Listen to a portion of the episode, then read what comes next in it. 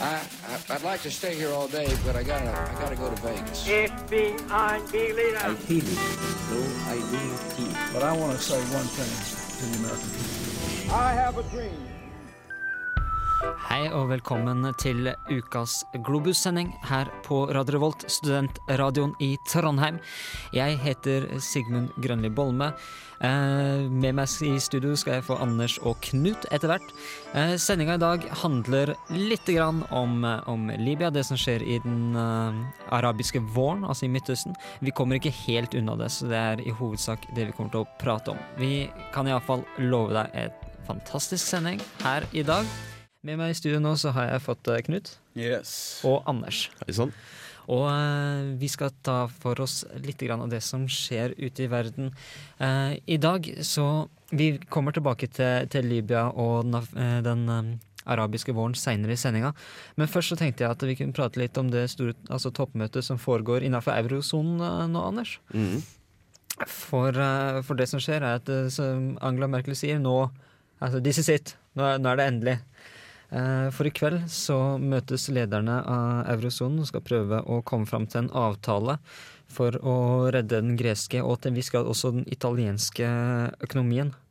Eh, Og det blir jo forventa at hvis, hvis dette ikke her går i orden, så går det fryktelig, fryktelig dårlig. Ja, da eh, Jeg vil ikke anbefale folk- å ta ut pengene sine ut av bankene, men eh, det, kan, det kan virkelig ikke Det her kan virkelig gå Pass på studielånet kan jeg nesten si. Uh, for at eh, ja, det er ikke, har ikke i så stor grad påvirka oss ennå. Men uh, alt som skjer på Europa Altså Vi har investert store deler av pensjonskassa for eksempel, i Europa. Så om uh, uh, det begynner å gå skikkelig galt. Hvis du får ei finanskrise, bare sånn at folk tenker at ja, ja, det er bare EU, det er ikke så farlig. Men hvis du får ei skikkelig finanskrise i Europa, så er det som er mye større enn det som er nå, med at du får en kollaps i markedet f.eks. i Italia, Spania og i Hellas, så eh, ja. Du kan se på et veldig kaotisk eh, Europa fremover. da. Eh, Og my mye av det her også Hellas har jeg fått, my fått mye skyld av, men uh, i det siste ser er det blitt klart at Italia er så til de grader ute å kjøre. Uh, de har 120 av, av BNP er gjeld. Mm. Altså 25% av eurosonens samlede gjeld er italiensk. Ja. Så de står for en fjerdedel av hele EUs gjeld. Eh, og Silvio Berlusconi har på en måte ikke klart å så og så, finne en løsning på dette her. Det er kanskje ikke så overraskende når man ser hvem som sitter med, med, med roret i Italia, men, men, men dog. Uh, og det er nå snakk om at eh, Angela Merkel nærmest tar over uh, for Silvio som, som lederen av Italia. Mm. Um, noe som må være veldig surt for Berlusconi. Han har jo da offentlig sagt, eller halv- halvoffentlig i hvert fall, kalt hun, uh, hun Merkel for un unfuckable bitch. Ja. Du har uh, sånne ganske interessante um, videoer som går på at han er liksom bare skikkelig douchebag mot henne. Han, han, virkelig, altså han, han er jo en fyr som kanskje ikke har verdens beste kvinnesyn. Og da tåler den ganske dårlig at det kommer et kvinnfolk fra Tyskland og skal begynne å styre økonomien hans. Men, men det kunne kanskje egentlig ikke vært, vært noe bedre enn at kvinnfolk fra Tyskland skal styre den italienske økonomien. Nei, det, det er faktisk helt sant. Det er få folk som er altså, Du kan si mye om Angela Merkel, du kan si mye om kristendemokratene, du kan si mye om tysk, eh, tysk eh, hegemoni i, Euro, i Europa. Eh, men de, altså, de får ting gjort, da. De får ting gjort. Eh, for å ta en trekke en sånn liten så greie mellom togsystemer i Tyskland og i, i Italia. Jeg var jo på interrail i sommer, jeg var innom begge landene. Så er, det, er Tyskland mye mer velorganisert. Det skjer feil der også, de er litt sånn som NSB, eh, det er ikke til kommuner. Men eh, i, i forhold til Italia, der, der altså på grensa mellom Italia og Slovenia så det ikke, går det ikke engang tog. Altså det er sånn Du må enten ta buss fra Østerrike eller så må du gå gjennom en by. For, å er to togstasjoner på hver sin side av byen. For at italienere og slovenerne ikke klarer å samarbeide. Og det, altså det jeg, hele, jeg, jeg klarte å snike meg på et hurtigtog. Et hurtigtog, for faen. Jeg klarte å snike meg fra Venezia til Milano. Jeg skulle egentlig betale masse penger. Slapp unna. Er liksom, jeg bare så Ja, ja, her er det folk. Ja, men det var fint. Det kosa folk på toget. Så Og så gikk de videre. Det, var sånn, det det er hyggelig, ja, men det er ikke noe særlig produktivt hvis du har en økonomi som er på ran- randen til å gå til helvete. Ikke veldig produktivt. Og øh, Nei, det, det ser rett og slett ut som, som de kan få skikkelige problemer. Og jeg har hørt kommen, altså, kommentatorer som sier at uh, det EU som folk våkner opp til i morgen, kommer til å være radikalt annerledes. Mm. Hvis, hvis en avtale ikke kan nås. Så det er, det, det er altså antageligvis ikke mulig å nå en avtale fordi Blant annet Frankrike har veldig lyst til å få til en avtale fordi de har investert mye i Italia. Mens Tyskland på sin side, som sitter med mesteparten av kapitalen her, eh, og som har mesteparten av kapitalen i den europeiske sentralbanken, som vi måtte betale for det her, de er ikke interessert i det hele tatt. Mm. Eh, og det vil være et kjempeprestisjenederlag eh, for Tyskland hvis- hvis de skal komme, måtte betale de greiene her. En underlig ting som jeg har merket meg med diktatorer, er at de sjelden får den ærefulle enden som de selv ønsker seg. Når det går dårlig, og regnskapet endelig skal gjøres opp, så har de alle sammen en tendens til å dø på en stusslig måte. Julius Cæsar ble stukket ned av vennene sine. Adolf Hitler tok gift og skøyt seg sjøl utenfor bunkeren sin. Og noen hevder at Stalin lå lammet og sengeværende mens han var fullt ut klar over at legen hans ga ham den endelig dødelige dosen gift. Av mer moderne diktatorer så kan nevnes Slobodan Milosevic, som råtnet bort på en celle i Haag, og Saddam Hussein, som ble hengt og ydmyket. Til denne lista så kan nå Muammer al-Gaddafi legges til. Revolusjonens store guide og kongenes konge endte sine dager i et avløpsrør i Sirte, hatet av sitt eget folk, 62 år gammel. At det skulle gå slik med Gaddafi, var en overraskelse for mange. Gaddafi er den lengst sittende ikke-kongelige lederen i Midtøsten. Og før revolusjonene våren 2011 så hadde Gaddafi full kontroll over Libya. Muawer al-Gaddafi startet sin karriere i den libyske hæren. Og han var oberst under militærkuppet i 1969 og ble etter dette statsoverhode i Libya. I 1977 så gikk han av, men beholdt uoffisielt kontrollen over landet. Selv om han i alle senere intervjuer med vestlige medier hevder at han kun er en spirituell guide for det libyske folket. I sin rolle som leder av Libya så har Gaddafi stått for utallige overgrep mot opposisjonen, jakt på libyske dissidenter, samt kriger mot Tsjad, Egypt og Sudan, for å nevne noe. Det han kanskje likevel er mest beryktet for i Vesten, er hans kontakt med terrorister og Lockerbie-bombingen, hvor 270 mennesker ble drept etter at en bombe gikk av i en Boeing 747 over den skotske byen Lockerbie. Gaddafi støttet også IRA gjennom hele 90-tallet. Det er kanskje ikke så rart da at den britiske statsministeren David Cameron var så entusiastisk til en militær intervensjon i Libya. Også Gaddafis tidligere krig mot det, det franskstøttede Tsjad skulle få betydning for hans videre skjebne. Den 17. februar 2011 så begynte demonstrasjonene i Libya mot Gaddafi. Og ved begynnelsen av mars hadde Gaddafi mistet kontrollen over hele den østlige delen av Libya. Gaddafis forsøk på å sette inn hæren førte til at store hæravdelinger deserterte, og diktatoren ble etter hvert tvunget til å bruke nasjonalgarden til å utkjempe en de facto borgerkrig. Allikevel ville antageligvis Gaddafi ha vunnet denne borgerkrigen hvis ikke Vesten intervenerte. Storbritannia og Frankrike fikk gjennom en FN-resolusjon som godtok militær intervensjon og en no-fly zone over Libya for å beskytte sivilbefolkningen. Resolusjon 1973 gikk gjennom den 17. mars, og Frankrike, Storbritannia, USA og flere andre land begynte luftangrepene mot Gaddafis styrker få dager senere.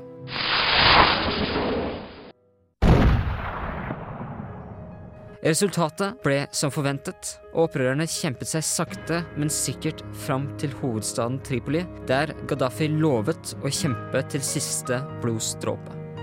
Dette skjedde ikke, og Gaddafi rømte videre til sin fødeby Sirt og fortsatte kampen mot opprørerne. Sirt selv falt den 20. oktober. Samme dag som Sirt falt til det som nå er det nasjonale styringsrådet i Libya, ble den eksentriske diktatoren funnet i et avløpsrør, og under omstendigheter som ennå ikke er helt klare, ble han skutt nærmest i filler. Lite overraskende så klaget få vestlige ledere på mangel på rettssak mot Muammer al-Gaddafi. Kongenes konge, som han ble kalt av andre afrikanske statsledere, endte altså sine dager i en grøft. Han er ikke den første diktatoren som dør slik, og han kommer helt sikkert ikke til å være den siste. Du hører på Globus. Hvis du har lyst til å si noe til oss, komme med ris, ros, forslag, et eller annet, så kan du sende en mail til globus.radiorevolt.no. Og eh, Anders, Ja. du hadde ikke dødd i en grøft. Nei, eh, det hadde jeg ikke. Eh, Tenk på alle de milliardene som Gaddafi-familien har brukt på skit. Alt det de har brukt på gullhatter, eh, sikkerhetsgarde som egentlig ikke var noe annet enn pynt, på sønnen din skal få lov til å spille i Juventus, selv om han er en ræv og skitdårlig fotballspiller. Eh, altså, altså, så mye penger har brukt på så mye vås, da. Eh, Altså Hvis du da skal ta og utarme landet og bruke folket ditt og stjele oljepengene til landet så skal du i hvert fall bygge noe fornuftig, tenker jeg.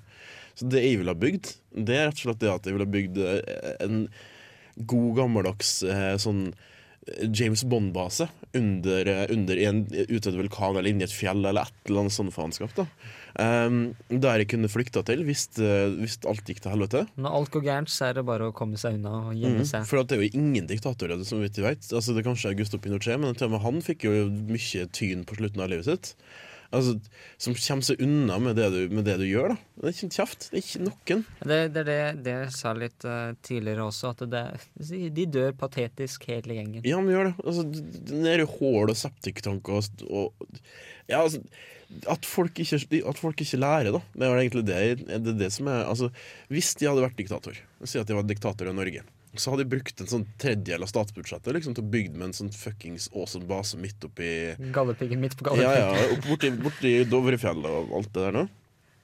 Så hvis det var krig, da, så hadde de jo bare eh, kjøpt en haug med leiesoldater, så satte de på skutt rundt i alle fjellene, og så hadde de til slutt da når de hadde kommet seg frem til basen min, så kunne de bare prøvd å bomme. De hadde jo ikke truffet meg, for de er jo midt langt inn i et fjell.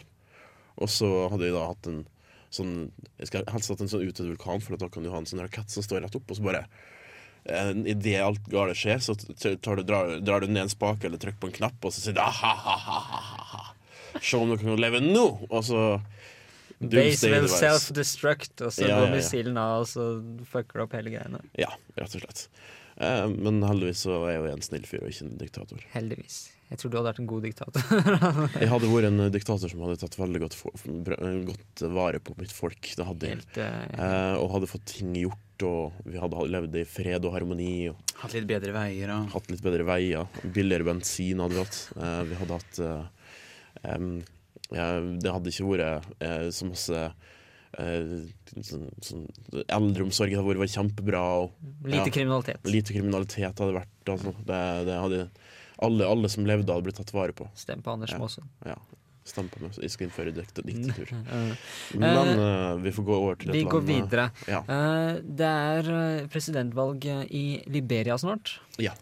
Uh, Og i den anledning så har vi her i Globus Vi har dratt fram en, en gammel sak som Anders har lagd om Liberia, til glede for nye lyttere og irritasjon for gamle.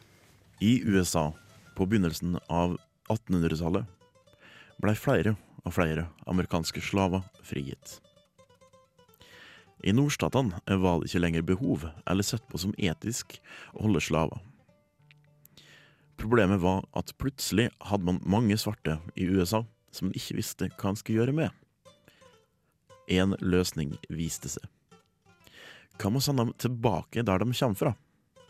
Løsninga ble Vest-Afrika. Løsninga den ble Liberia. Den amerikanskstøtta innvandringa kan ses på som en særform for kolonialisme, særlig siden innvandrerne ikke prøvde å integrere seg. Det ble sosiale problemer mellom såkalte Americans og lokalbefolkninga, såkalte natives. Americans, som stort sett holdt seg ved kysten, brakte med seg amerikansk kultur og så på urbefolkninga som primitive. I mange tilfeller innførte amerikanerne også det systemet som de sjøl hadde blitt frigitt fra, nemlig slaveri. Ved begynnelsen av den amerikanske borgerkrigen bodde omtrent 12 000 afroamerikanere i Liberia. I prinsipp var Liberia Afrikas første moderne demokrati, men i praksis var den derimot dominert av en liten elite etter de amerikanske innvandrerne, helt frem til 1980. En lengre rekke opprør fra natives ble slått ned gjennom den tida. Fra 1877 til 1980 var Liberia en ettpartistat, med amerikanernes parti, True Whig Party, som eneste politiske parti. True Whig Partys dominans fikk en brå slutt i 1980, da president William R. Tolbert jr. ble henrettet i sin herskapshus av opprørere fra den tradisjonelle natives-gruppa ledet av Samuel Kenyon Doe. Doe ble diktatorisk leder for Liberia og innførte et regime preget av undertrykkelse og sensur. Han kalte samtlige store partier sosialistiske, og dermed grunnlovsstridige. I 1985 arrangerte Doe det første valget for å legitimere sitt kupp, og ifølge internasjonale observatører tapte han klart til Jackson Doe, som han da ikke er i slekt med. Men etter flere opptellinger avsatte Samuel Doe tellerne og ansatte sine egne, som kom fram til at han tilfeldigvis hadde vunnet, med over 50% We have a government that was duly elected by the people of this country. And anything that has to do with resignation must come from the people themselves. Doe var derimot ikke verdens flinkeste politiker. I 1989 begynte en borgerkrig drevet av Does dårlige politikk, som frambrakte motsetninger mellom de ulike stammegruppene i landets nord. This is just an ordinary civilian uprising. It's not a military coup, not a military situation. Ordinary people uprising, trying to bring fair play and justice. Charles Taylor is leader of the rebels. What he really wants is to be leader of Liberia. His adoring followers, in fact, already call him president.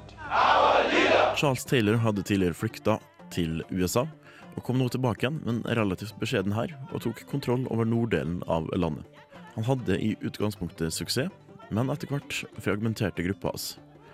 Særlig prins Johnson, eh, som nå er senator i Liberia, ble hans største fiende. Johnsons gruppe tok seg inn til Samuel Kado, og Johnson fikk eh, midlertidig kontroll over hovedstaden. Og det sies at han også drepte Samuel Kado og spiste ham.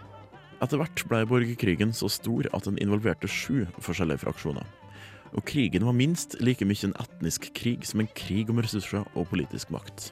Etter flere mislykka forsøk på å komme til en våpenhvile, fikk grusomhetene en midlertidig stopp i 1996.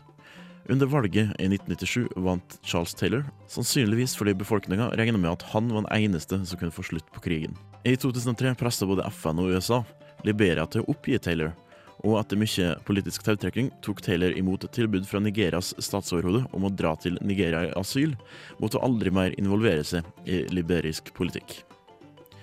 Mellom 2003 og 2005 ble Liberia styrt av en overgangsregjering. Men den 11. oktober 2005 ble det valg på ny president. Det var ingen av kandidatene som fikk nok flertall til å vinne, så det ble arrangert et omvalg mellom de to mest populære kandidatene, Johnson Sierlaf og George Vea, som er en kjent fotballspiller og Unicef-ambassadør.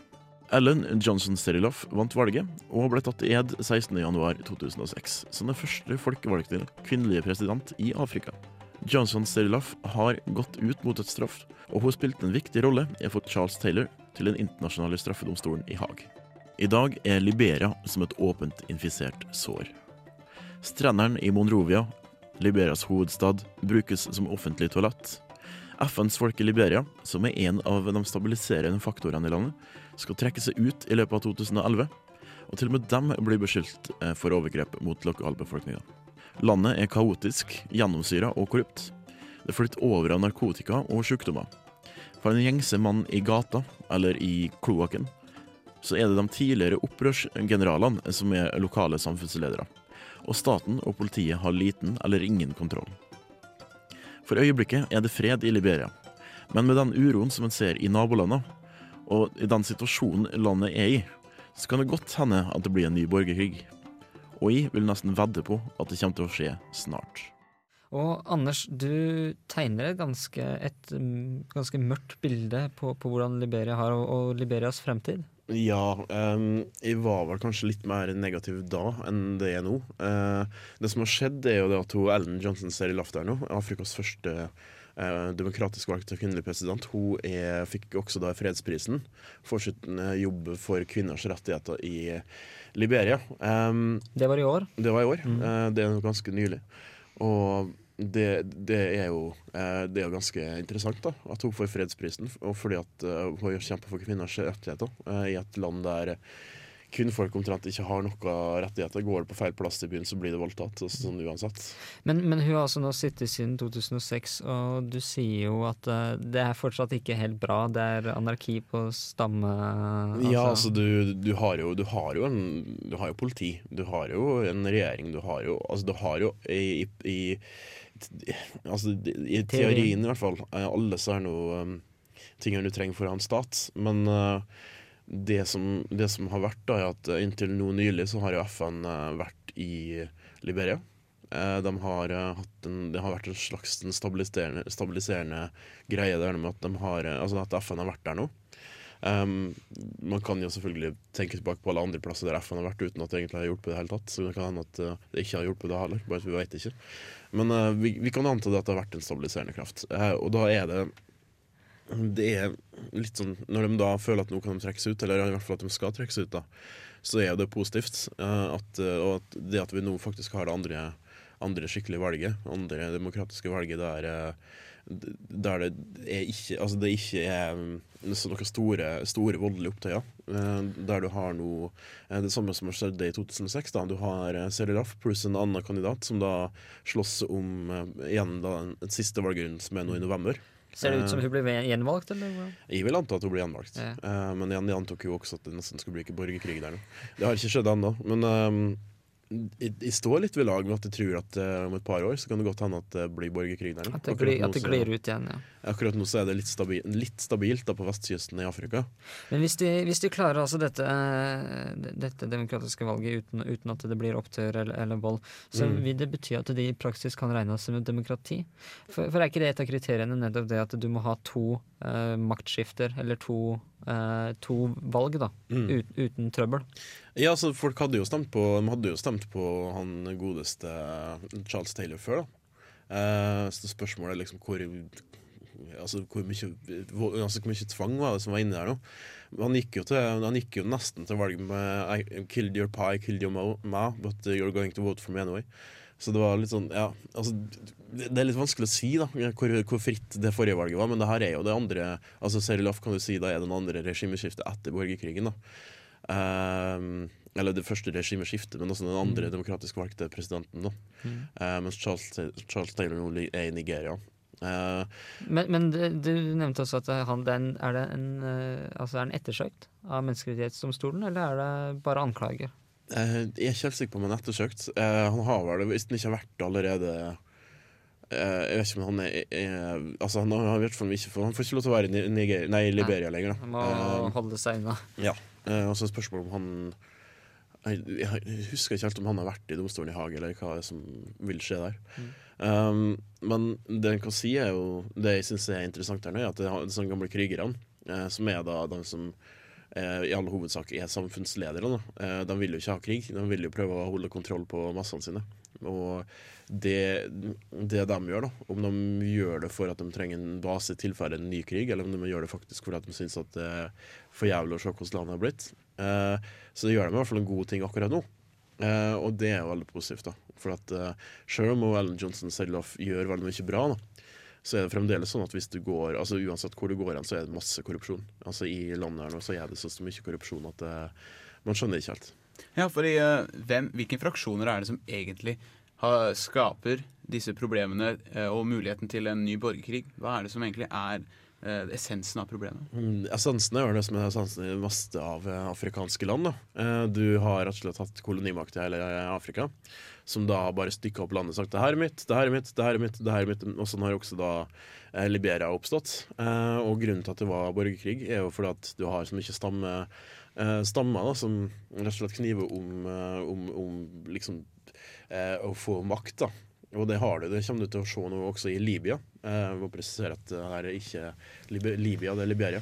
Men du ser det også der. Da. Altså Gaddafi var, hvis det er én ting vi kan si om Gaddafi, så var han veldig flink på akkurat det der. da. Jeg husker vi hadde, vi hadde en historieprofessor fra, fra, NTNU her uh, i fjor, tror jeg. Han sa det at uh, Vi skulle ikke kåte for mye på det, men han, han sa vel i praksis at med unntak av Egypt Tore Tingvold Petersen heter han.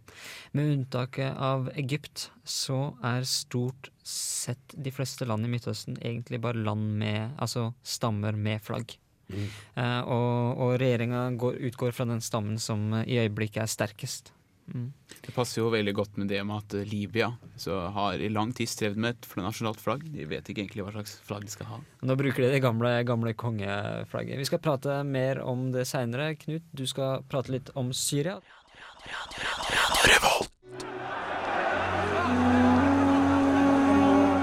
I januar så falt Alis styre i Tunisia. I februar så falt Murabaks styre i Egypt. Og bare i forrige uke så falt Gaddafis styre i Libya. Dette året har derfor vært helt unikt alle andre år. På mindre enn et år så har tre land falt i Midtøsten. Det hele har vært en stor dominoeffekt. Men det vil ikke bare stoppe der. Over hele Midtøsten er det åpne, store demonstrasjoner mot diktaturstyrene. Men hvilket land vil være neste i dominorekken? Det tror jeg er Syria. Hvilket land har så stor misnøye at nesten hele folket er i opprør og har små lommer med anarki? Hvilke land har hatt de største tragediene og store tap av menneskeliv? Det er Syria. Syria er mest sannsynlig den neste i rekken av falne diktaturer. Det er en av de mest kontrollerte og autoritære landene i Midtøsten. Lederen av styret i republikken Syria heter Assad. Landet er ikke demokratisk på noen måte, selv om navnet republikk sier annerledes. Det er fordi helt siden frigjørelsen for over 60 år siden har det vært unntakstilstand. Helt siden 1963 og nå til 2011 har det offisielt vært en unntakstilstand. Og selv om det er offisielt slutt dette året, er sannheten langt ifra det. President Assad har også lenge og mange ganger lovet å trekke seg fra sin stilling og tillate åpne demokratiske valg. Men det ser ut til at dette vil aldri skje, uansett hvor mange ganger han lover om det. Og det vil heller trolig aldri skje med hans egen frivillige vilje.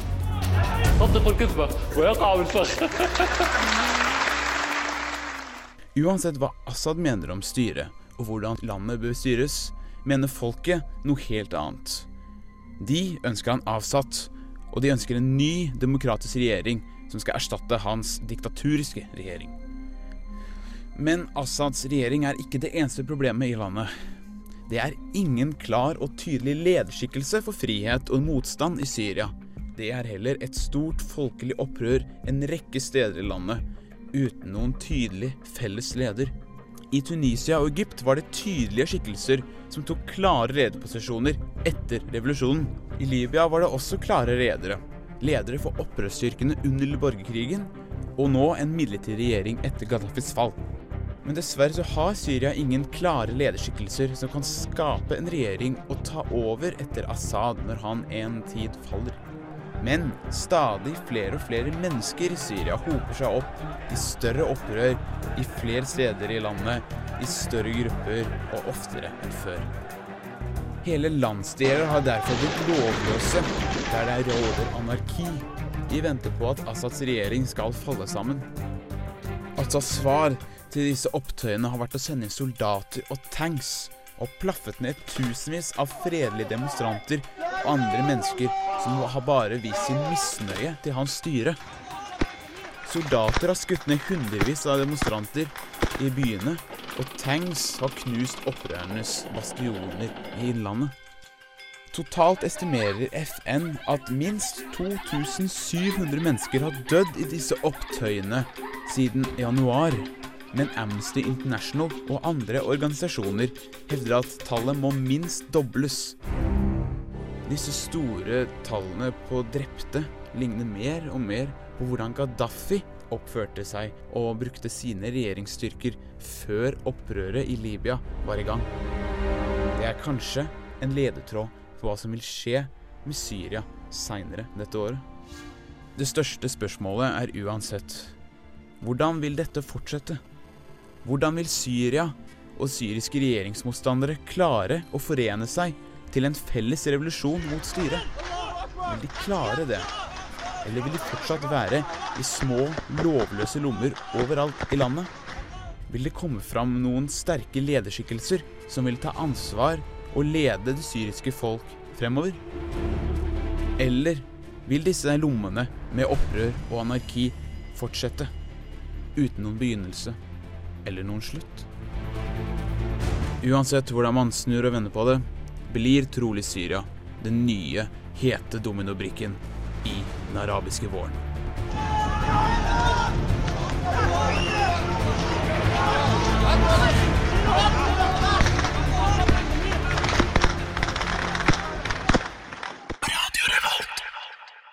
Radio Revolt, studentradioen i Trondheim. Du hører på Globus. Eh, hvis du har noe innspill til dagens Globus-sending, så sender du en mail til globus at radiorevolt.no, så skal vi prøve å svare deg. Vi får så mye mail hele tida. Det gjør vi. Så det, er, hvis du ikke er like rask på svaret, så er det bare derfor. Mm. Eh, men eh, nå fikk jeg lyst til å sitere Henrik Kissinger, hvor han sa at eh, eh, man kan ikke lage krig i Midtøsten uten Egypt, Mm. men man kan ikke lage fred uten Syria. Ja. Og i eh, Syria nå så ser det alt annet enn fredelig ut. Det gjør det. Um, Knut, som vi hørte fra din sak her nå, det, det er ikke akkurat uh, en hyggelig situasjon det som er i Syria nå. Nei, ikke i det hele tatt. Det har vært i lang tid, akkurat som i Libya, en undertrykk følelse og har vært unntakstilstand siden 1963. Den ble innsatt i 1963 og har aldri blitt uh, uh, satt av til nå. Det var sånn tidligere i år, i 2011, så sa de at nå er unntakstilstanden offisielt ferdig. Men forholdene der er like ille som, kanskje verre enn det det var før åpne demonstrasjoner, og folk blir skutt hvis de samler seg i for store, for store mengder. Og det er små lommer med uh, lovløshet, hvor uh, regjeringen ikke har kontroll. Eh, det er vel er det over 3000 nå som Amnesty antar har blitt drept i, i konflikten. Ja, minst. Det er minst, er minst eh, 3000 mennesker, altså. Eh, Du har jo, du har jo disse sånne bandene med sånne, sånne torpedoborderfolk. Eh, det var, det var et mobilkamera som har blitt funnet, eh, som tilhørte en av torpedobolerne. Som er en slags en lovløs eh, gruppe mennesker som da jobber for staten eh, på å bruke egentlig alt mulig av slags eh, eh, sånn middel. da. Så jeg kaller dem torpedoboliger. for at alle sammen er svære som hus og går egentlig rundt og er torpedoer. Ja, De kan ikke stoppe stridsvogner, da. Det er jo det som har skjedd. De har jo hatt satt De, ut de er jo på lag med stridsvognene. Eh, Det er jo det som er. De går jo rundt og terroriserer. De er jo soft, eh, soft attack før hard attack, da, kan du si. Hvis du Ja. bruker et litt Går sånn rundt, med, går rundt med stokker og banker opp folk. Ja. Eh, og det, det som altså Folk spør jo seg sjøl, og det, det media har, eh, som har kommet fra media etter hvert, er når, når kommer Vesten til å intervenere i Syria? Eh, det skjer vel ikke. Ikke en, veldig fort, i alle fall. Det burde jo ha skjedd for lenge siden. Egentlig. Men, eh, men eh, problemet er altså at Syria har en altfor stor hær. Du må tenke på at når eh, Gaddafi ble tatt, så hadde Gaddafis militære var relativt dårlig. Mm. Nettopp fordi Gaddafi ikke stolte på hæren sin. Så han hadde holdt den litt nede. Syrias militære er betydelig sterkere. Pluss at jeg tror ikke Kina og Russland, som føler seg litt snytt etter Libya, kommer til å, kommer til å godta en, en FN-resolusjon til. Og jeg kan ikke forestille meg noe intervensjon uten en FN-resolusjon. Iallfall ikke av samme størrelse som i, Libya. Veldig lett for, eh, veldig lett for vestlige land å bli stempla som, eh, som uh, aggressorer, Ja. rett og slett. Men i hvert fall, Vi må få håpe da at Syria finner en felles leder for opprøret. Det Mm. er veldig viktig, selvfølgelig. Det kan bli vanskelig, men vi får se, se hva, de, hva de klarer. Globus i dag går mot slutten. Eh, vi eh, er- kommer til å komme tilbake etter hvert. Eh, nå får du The Flower Kings med The Ghost of the Red Cloud, sånn som vanlig. Vi avslutter med den. Eh, I studio i dag så har vi vært Anders Maasen. Knut Aashammer. og Sigmund Grønli Bolme. Rune har vært tekniker, gjort en strålende jobb som han gjorde forrige gang. Uh, vi vet ikke helt hva temaet blir neste gang, så hvis dere har noen ideer, så er det bare å sende oss mail. mail. så blir det kanskje litt om det som Ja, litt om euro. Litt om euro, hvis ikke så går vi rett og slett tilbake til det. Globus i dag er i alle fall eh, ferdig. Eh, Så får dere ha det bra, og så får dere høre på Kontroll Alt Elite som kommer etter oss. Ha det bra. Ha det fint. Ciao.